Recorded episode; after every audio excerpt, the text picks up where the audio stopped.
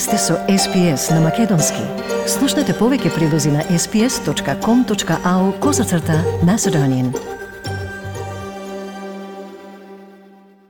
На SPS радио јас сум Ана Коталеска, а моја соговорничка е Марија Јанев, инспиративна музичарка од Мелбурн, која преку нејзините работилници на проектот Power of M, Music, Mindfulness and Movement, најчесто во природа, им помага на голем број деца и лица со попречености да ја најдат својата самодоверба, да се себе запознаат и да се чувствуваат подобро.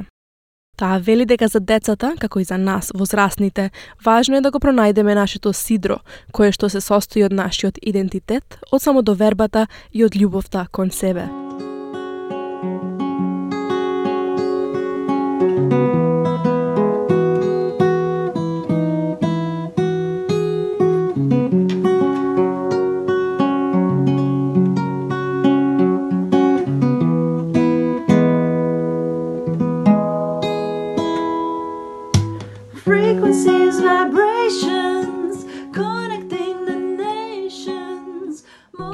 Последно разговаравме со тебе во екот на пандемијата минатата година. Со намалувањето на рестрикциите во Мелбурн, што се случува во твојот музички простор од тогаш? и кога беа рестрикциите не можеа да ме да ме застанат да, да не свирам музика, меѓутоа тоа беше повеќе само тие два сати или еден сат што ни беше дозволено да да пешачиме, ја никој пат не пешачев без гитарата. Значи гитарата на грб и ќе отидев поред река да да испешачам убаво еден сат за здраво тело, здрав дух, нели тогаш со пандемијата најпотребно ми беше тоа да да се избалансирам на ментално ниво и со малце движење и со гитарата на грб. Значи, дури и кога беа рестрикциите, јас не заборавив на музиката, тоа ми беше начин на балансирање, но сум многу благодарна што што а, немаме веќе рестрикции затоа што тоа ми дозволува да а, го започнам бизнисот што го имам имам отворено бизнис се вика Power of M Music Mindfulness and Movement. Сега како што ги тргна рестрикциите, можам да правам музичка терапија за луѓе кои имаат посебни потреби. Значи ги учам дечиња како да ја користат музиката, а, движењето, а, јога и да речам медитација, мада нема никаква религиозна конотација, него да се научат како да, да си го а, одморат мозокот, како да бидат тука присутни во тој момент и многу ми е мило што немам веќе рестрикции, што можам пак да се посветам и да, да ги правам овие работилници и да им помагам на луѓе со, со посебни потреби. Да, така. Значи, музиката е голем дел од твојот живот од млада возраст. Како започна да ја наоѓаш твојата страст со музиката? Um, И мислам дека е дел од самата култура од каде што ние доаѓаме. Македонците а, и мислам има некоја изрека низ Југославија што викаат ако си пред човек од Босна немој да пееш, ако си а, пред човек од Србија немој немој да играш пред него. Они до, добри играорци се, ако си пред човек од Македонија не играј ни пее, зашто нашата нашата култура многу е поврзана и со играње, и со пеење, и со музика а и, и самата моја фамилија, мајка ми и татко ми се имаат сретнато во танец. А, мајка ми била играорка, татко ми бил дел од бендот. Значи јас од, од мали нозе, што се вика, сум обкружена со музика и гледам колку тоа придонесува да ти биде полно и срцето и да ти биде одморена душата. Моите стално има пријатели, татко ми со гитара, имаше стално песна, а, смење и јас го осетив тоа како како да кажам како како дел од мојот живот, како воздух ми е. Да, така. Кои се инструментите кои ги свириш во моментов? Највеќе свирам гитара, меѓутоа во бендови што сум била и има една група на луѓе што се наоѓаме за на англиски се вика sound healing, а значи на македонски би дошло лекување на душата преку преку музика, преку преку звуци, значи со нив свирам и а, кахон, што е а, како тапанче да речам, а, како како а, кутија која можеш да ја користиш за ритам А, свирам джембе, што е афрички тупан, свирам македонски тапан. Да. А, значи, сите тие ритмички инструменти, бубњеви и е, свирам малце саксофон кој го користам за а, кога идам на на една од моите сесии со а, музичка терапија, а, има две дечиња близначиња 15 години, со нив поеш повеќе со гитара, со посмирени инструменти, меѓутоа они имаат сестра, а, што нема потребни потреби, ама многу ја сака музиката, со неја свирам саксофон и ја подучувам саксофон. А, иако сите овие инструменти, гитара, саксофон, а, бубњеви а, од, од различни земји, а, иако никој не ме учил, како да кажам, неа некој, а, не сум учела музичко средно или на факултет, а, многу сум љубопитна да учам нови инструменти и сето тоа што сум го научила јас и што сега учам други а, луѓе само уко, значи тоа е од слух, што значи доволно доволно знам за да за да го направам тоа, но не се не се сметам као да сум професионален музичар. Тоа е све од срце и за душа и за лекување на душа. Тоа и ми беше поентата, сакам да кажам дека иако не сум била на факултет и а, не знам да, да речам да, да сум школувана, а сепак мојата голема страст за музика ми дозволува да ја користам музиката за, за моето лекување на душа и, и а, да се осеќам подобро и сега дури и го користам за да го понудам тоа на други луѓе. Дали можеш да ни кажеш повеќе за значењето на твојата песна Frequencies Vibrations и твојот процес за пишење?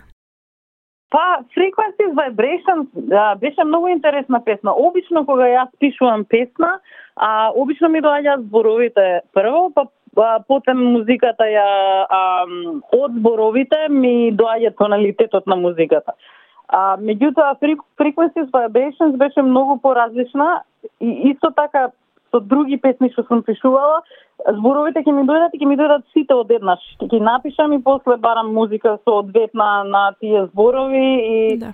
а, меѓутоа со Frequencies Vibrations а, првен ми дојде музиката, ми дојде почетокот, а значи тој почетокот што е на песната ми дојде дурбе според река. И почнав да си свирам на гитара и некако се оформи таа песна, барем барем почетокот и две строфи од песната дојдоа одма, како како спремна песна у, у глава, како некој пат се осеќам како музиката што доаѓа а, што ми доаѓа у мозок, како да доаѓа преку мене, како јас само да сум некоја струја преку мене да поминува, ба, да има некоја порака од диша сила. И јас само сум како преку мене да доаѓа.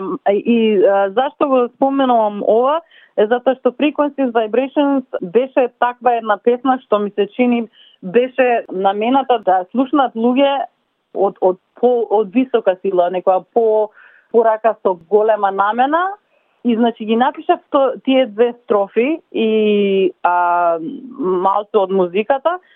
И после долго време, може би две години, не, не можев да ја завршам песнава и не знам, некако малце бев исфрустрирана зашто оваа песна не можем да ја завршам? И после видов у ретроспект зашто уствари требало да се чека, затоа што ја завршив баш кога беше пандемијата, кога бе, беа рестрикциите, поентата на таа песна беше родена, семето беше посејано порано, но требаше да да плодот да се ожне кога на право време. И мислењето на таа песна и пораката за таа песна е уствари многу поврзана со а, тоа кога бевме затворени, затоа што а, сакам да кажам дека во тоа време кога моравме сите да успориме и да се изолираме, а, тогаш свативме дека среќата на нашиот живот доаѓа од а, поврзаност со себе и поврзаност со тие што највеќе ги сакаме, пошто кога тоа ни беше одземено,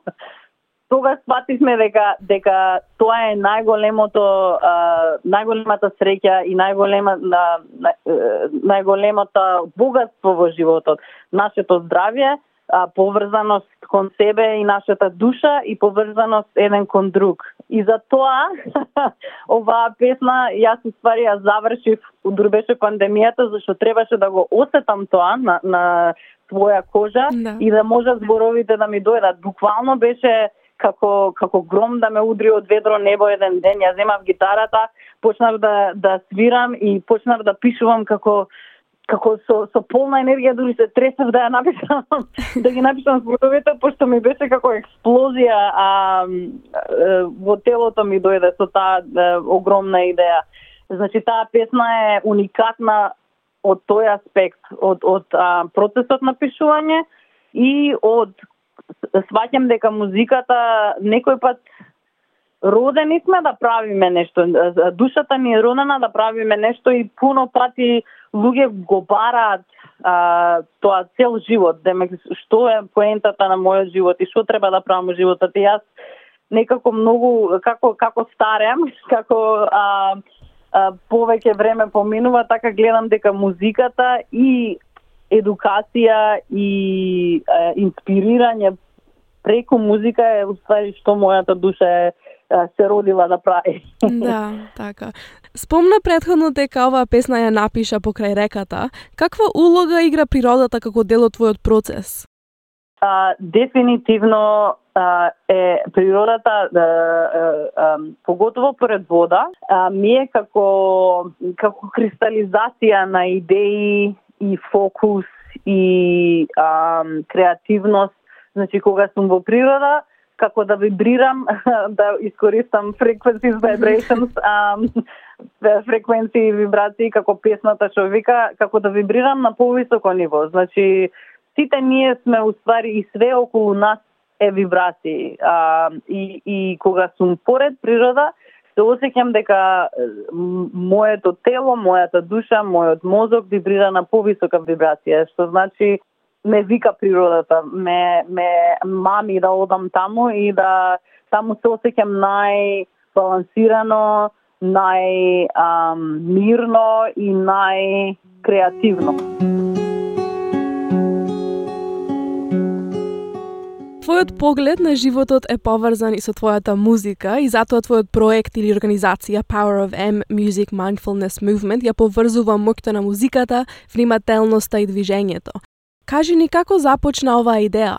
За многу години, како што кажував порано, дека сите ние сме родени со една мисија, кога душата ни на сите нас ни има мисија и луѓе цел живот некој пат ја бараат таа мисија, што е поентата, што треба да правам со себе у, у животот. Значи, мене долго време ми беше, како да кажам, ми доаѓа како, како слагалица, делчиња од слагалица. Знам дека имав голема страст за музика, знам дека имав голема страст за а, колку е важно движење, направив а, курс за медитација и йога преку Art of Living, а, организација која е интернационална и многу добри работи и добротворни спрхи прават. Секој пат се наоѓав дека иако заврши бизнис и маркетинг, се наоѓав бара работи и наоѓав работи кои што за добротворни сврхи, иако ги користев маркетинг ам, а,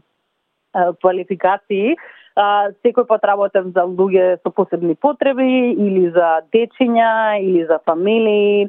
И значи некако цело време со години гледав делчиња од слагалица, ама никако не можев да го спојам што тоа уствари значи, пошто како македонци културата ни е супер, сакаме музика и од еден аспект, ама од друг аспект затоа што навикнати сме на на немаштија и на такви работи, а, секој пат а, сакаме да паднеме на на кариера која што знаеме дека ќе не обезбеди, дека ќе да. Да. работиме за доволно пари, да, за себе, за фамилијата и мислам дека од тој аспект малце успорено ги гледав тие таа слагалицата и барав работи кај што може да си ја исполнам својата мисија, што значи мисијата за музика, мисијата за помагање на луѓе, за инспирирање на луѓе.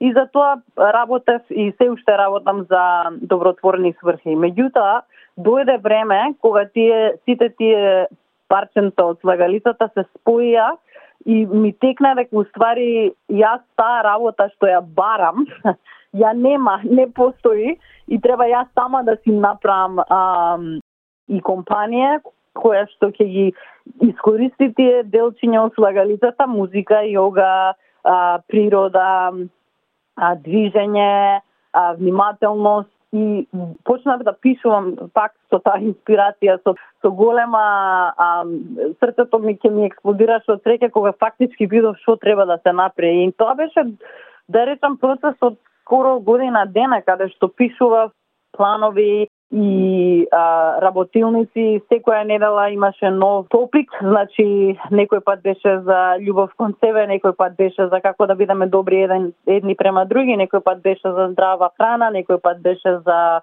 како да користиме природата, да бидеме на, на свеж воздух. Значи сите овие работи што а, се потребни поготово за новата генерација, а да. у школа немаат време да ги да се посветат многу на нив затоа што па и школите имаат свој преси за математика, за наука, за англиски, а и не се посветува доволно време за духовна храна на овие деца. И овие деца живеат у, у свет што има толку многу информација што нивните мозочиња се многу пати гледаме дека има депресија и дека има стрес во деца од 3, 4, 5 години, што не треба да да се дешава, ама по, затоа што живееме у таков свет со пуно информации и, и iPad, и iPhone, и телевизии и све друго, треба некако малце back to basics да се отиде и да се да се научат овие деца преку музика, преку движење, преку природа, што е суштината на животот и како да се релаксираат и како да бидат пак дечиња и да ја користат својата креативност, имагинација. И а, фактички почнав да пишувам и напишав 40 работилници кои кога го почнав овој проект а, ги правев работилниците во природа, во една фарма а, се вика Идендел Farm и фамилии доаѓаа со своите дечиња на викенд и секоја недела ги обработувавме овие различни теми. И а, секоја работилница се состоеше од првин движење, па а, ги учев дечињата како да користат различни а, начини на дишење, breathing techniques, значи техники на диш, дишење Секој пат има песма напишано за секоја тема, за да им биде интересно да научат. А, учевме преку цртање, учевме преку игри а, заедно и многу им се допадна и после видов дека а, кога слушна други места како градинки и школи сака да го инкорпорираат тоа у нивниот а, курикулум за за учење. А, после имав пријатели кои имаат деца со посебни потреби и сака а, како музичка терапија и да, да и некако почна да расте. Се гледаше дека дека има ефикасност, дека е а, многу добро прифатено од многу различни луѓе, од различни возрасти, од различни места, дури и има работилница со жени што имаат домашни проблеми, што има што имаат доживеано насилство и дури со нив имам работено. И тоа ми беше една од како да кажам видов колку разлика, колку колку може да допринесат овие работилници и ми беше многу мило што можев да помогнам дури и на на тие жени. Да. Како реагираат децата на овие работилници? А, можеш да ги видиш А, од, од почетокот на сесијата до крајот на сесијата се гледа многу голема разлика. Како а, ако ако барам метафора да го објаснам, кога ќе дојдам се како како затворена пупка на на цвеќе, а кога ќе завршиме се како отворен цвет. Да. А, значи, а, се гледа се гледа голема разлика, поготово со луѓе со тие дечињата со посебна потреба а, мајката нивна рече ти со нив успеа да да допринесеш многу поише во три сесии што други луѓе пробувале и три, три месеци не можат да им помогнат. Значи се многу по комуникативни, они фактички а, не зборат, ама со мене зборат. А, не на начинот како ја и ти што збореме, ама комуницираат. Доаѓаат, ми кажуваат што сакаат, ми подаваат ствари, играат, плескаат со рачињата, пробуваат да пеат со мене, се смеат, а, можеш да видиш дека дека стварно многу голема разлика прави и само една сесија. И тоа мене ми ја пуни душата, она е како а, сега зборам за тоа и този ми доаѓаат на очи, Да. пошто а, тоа ми е мене целта у животот, само сакам да, да донесам љубов и да донесам лекување на душа, да донесам а, едноставно да го, да го оставам овој свет подобро од што го најдов. Energy is buzzing with a hum. Heartbeats beating to the same drum. Според тебе, како се овие аспекти, музиката, движењето и внимателноста поврзани и зошто одлучи на овој начин да се одржуваат работилниците на Power of M? Интересно прашање и а, ја би го говорила како јас не ги одбрав, они ме одбраа мене. Така. а, зашто у животов гледам што ми помогна на мене а, и колку многу ми има помог, помогнато на мене. И а, како што предходно кажав, тоа се тие делови, а, делчиња од слагалицата што ми ја оформија сликата, што што уствари треба јас да правам. Значи, ам, немаше некој еден ден ми текна, аха, донесвам одлука, ова ќе го правам и ти ова се аспектите, него преку самиот мој живот и интуиција ми, ми дојде таа идеја и е, толку беше силна и толку беше ам, не само желба, него, него целото тело кога, кога нешто е толку вистинско и кога нешто, кога си толку поврзан со својата како да кажам higher purpose. Кога сваќаш што е твојот higher purpose, нема гледање назад. Е, едноставно целото тело ти респондира на на на на таа а, на, на тој позив. Не, нема некој конкретен одговор што можам да ти дам, е, е за Да. тоа одлучив овие три работи да ги користам, зашто а, секој пат знаем дека природа е, е, е многу добро за нашето здравје, за мозок, за тело, за, за дух. Секој пат преку, преку мојот живот и интуиција видов колку музика помага на, на не само на, на мене, има документарци, има ам, толку науки научни ам, книги да, што а, со, со наука до, докажуваат дека музиката е многу, многу добра за луѓе со посебни потреби, за луѓе што се постари, што ам, имаат склероза. Значи, ова не е нешто што ја го направив и никој... Ова е базирано на, на тони и тони од, од, од наука. И музиката, и движењето, и природата, и а, јогата, и дишење, и внимателност. Тоа се работи што стварно помагаат на сите. Што е уникатно кај мене е што начинот на кој што јас ги, ги учам овие работи.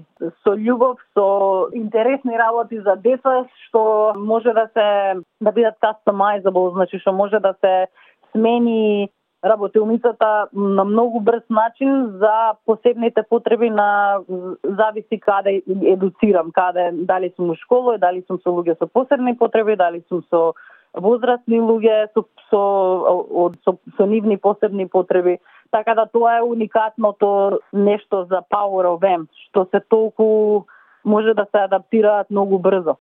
Работилниците на Power of M покриваат различни теми, вклучувајќи самосочувство, добрина, управување со емоции, идентитет и припадност меѓу многу други. Зошто веруваш дека ова е посебно значајно за помладите?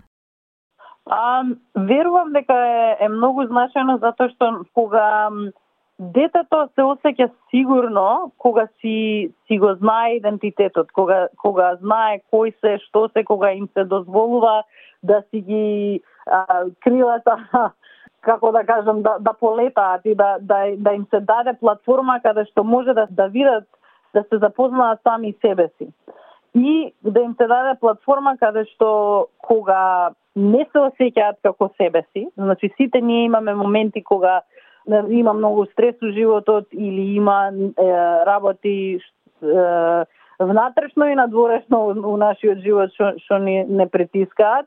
И сакам да им придонесам на дечињата платформа и а, начин на кој што може да се смират, може да си дојдат сами да си го видат срцето и да, да погледнат во себе и да знаат дека тоа им е котвата на животот.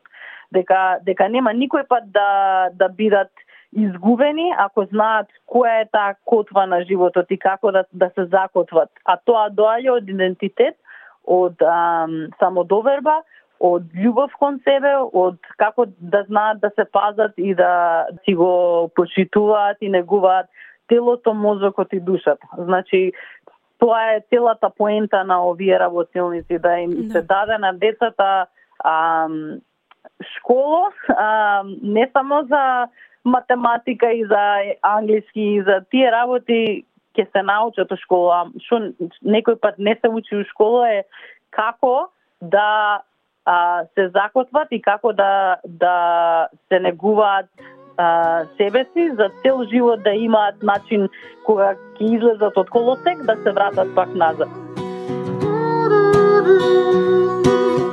In this time of slowing down and isolation, we have come to a dawning realization to the need and joy from our connection to ourselves, each other, and all creation.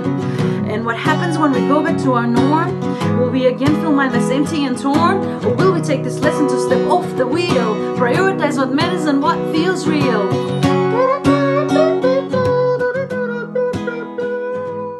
Што би препорачала за некои луѓе кои можеби би сакале да ги практикуваат овие вредности со своите деца од дома, но не знаат каде да започнат?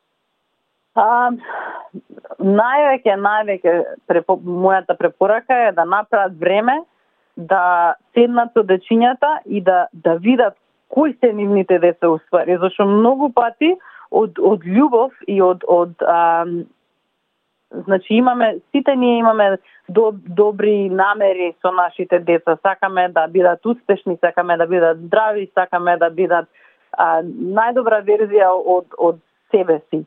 Меѓутоа некој пат ние ради таа амбиција а, им наметнуваме на, на нашите деца што да прават, како да прават. Што можем нај, најголемиот совет што можем да го дадам е да да ги видиме децата кои се они без нашите предрасуди.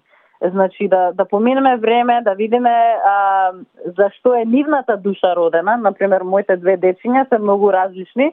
Едното е да сака да биде на сцена, сака да биде центар пажња, сака да глуми, сака да пее, а, обожава природа, а, Така. а, ек, екстроверт 100%, а другото е момчето што е постаро е интроверт, а на 14 години чита филозофија, а, практикува стоицизам, а, слуша класична музика или джез.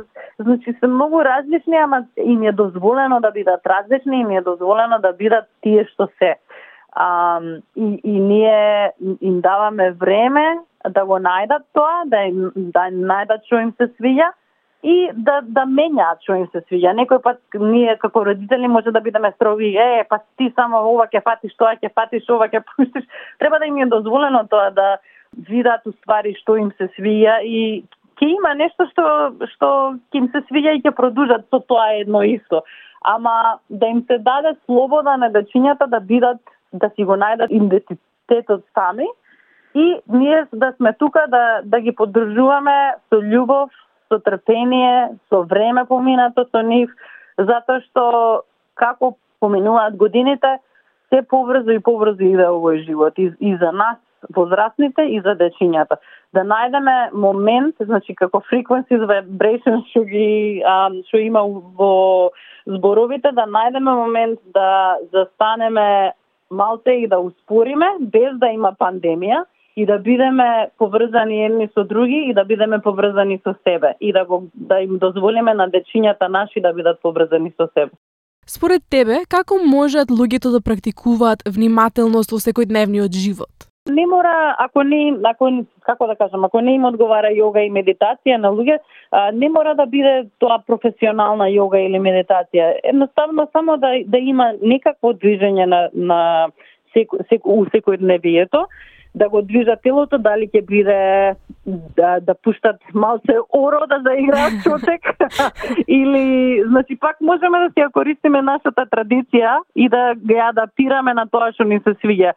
У секојдневието ако имате момент а, да од движење, ако имате момент каде што правите нешто што ви исполнува душата, на пример за мене е музика, за некој е готвење, за некој трет, мајка ми математика, сака да, значи, значи шо и да е, нешто што ќе ти го исполни, а, ќе ти исполни душата, нешто што ќе ти а, го размрда телото и нешто што а, ќе ти го а, збогати мозокот. Значи ако ако правиме некои работи било какви, не мора да се јога, не мора да се медитација, него а, а, што им одговара на луѓето и на нивниот животен стил, само да се даде време за тоа у секој дневието, пола сата.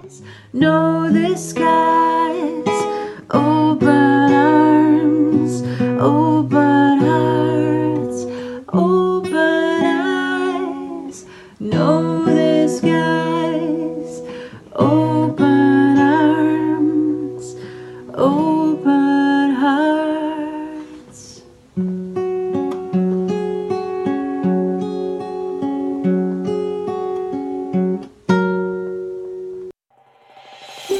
Сакате ли да чуете повеќе прилози како овој?